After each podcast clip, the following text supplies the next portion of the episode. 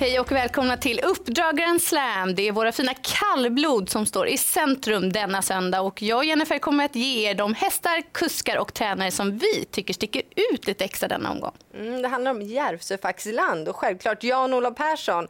Han har hela 15 hästar till start och om ni lyssnar på oss då får ni veta vilken som är hans bästa chans. Det är alltså Hagmyren som arrangerar tävlingarna denna söndag. Och vad är värt att lägga märke till? Ja, framförallt att det är kort upplopp, bara 161 meter långt.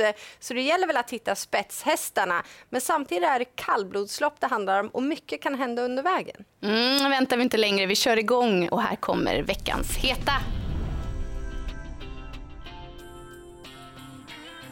Jag börjar direkt i den första avdelningen med nummer ett Lillbrisa. Hon är startsnabb men även sylvass på speed och eh, hon körs av Örjan Kihlström för första gången och det känns ju såklart intressant. Ja men verkligen och går vi till den tredje avdelningen så finner vi Monteloppet där nummer fem Smedheim Solan blir stor favorit. Han var jättefin i höstas när han gjorde debut under sadel. Emilia Leo var helnöjd och hon har ju haft ett helt fantastiskt år, hela 41 i segerprocent. Och när hon säger att det här är en riktigt, riktigt bra chans, ja, då känns ju hästen väldigt svårstoppad.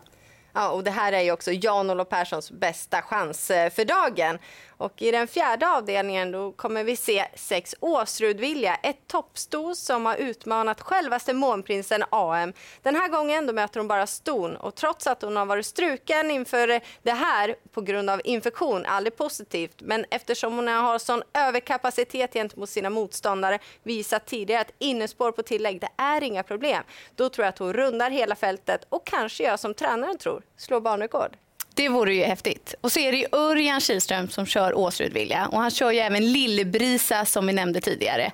Det är ju svårt att hitta en vassare kusk än Örjan. Det går inte. Nej, och kanske är det till och med så att det är ännu viktigare med kuskens betydelse i just kallblodsloppen. Så här säger våra kollegor om saken.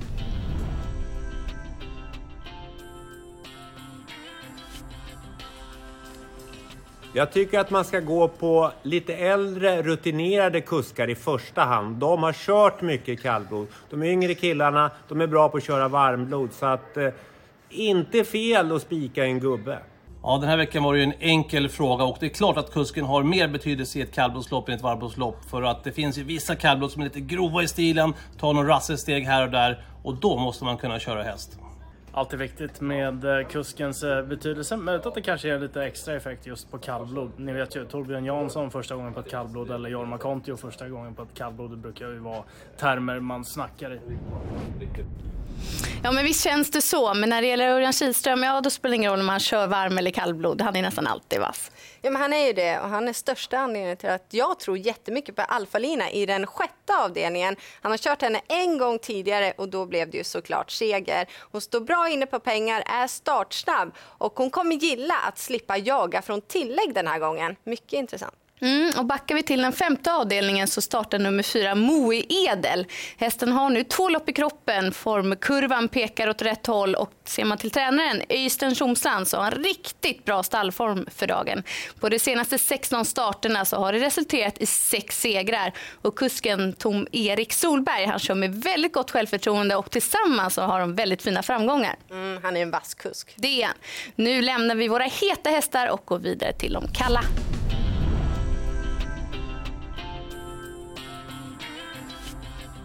Och vi börjar i den första avdelningen med favoriten nummer fem, Häsenräsen. Hästen har toppform och har gjort det riktigt bra i år. Han har vunnit fyra av sina fem lopp. Men nu är det helt andra förutsättningar med autostart och kort distans. Det känns inte optimalt och det är en favorit som känns sårbar i mina ögon.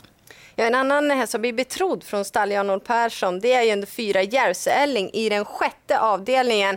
Han är fin, han är startsam, han borde få en bra position. Men han har inte riktigt levererat som han har önskat de sista loppen. Så där känns ju ändå formen som ett frågetecken. Mm, går vi till den sista avdelningen så startar nummer tre STCC Faxen från ett bra utgångsläge. Men han har tjänat klart minst pengar i loppet. Dessutom är han opolitlig. Han har galopperat 15 gånger på hans 31 försök på banan. Och dessutom trivs han ju allra bäst i ledningen och jag är inte säker på att han når den positionen den här gången. Dags att runda av programmet och vad väljer du som sticker ut inför söndagens omgång? Örjan Kihlström, framförallt i den sjätte avdelningen, ett Alfalina. Hon och Örjan trivs ihop. Ja, och det känns ju svårt att gå emot favoriten i den tredje avdelningen, nummer fem Smedheim Solan. Ekipaget bara vinner tror jag. Emilia Leo brukar vinna Monteloppen. Och så är det Jan-Olof Perssons bästa chans också. Mm, av 15 stycken. Det tar vi med oss. Lycka till med Grand Slam 75-spelet så ses vi snart igen.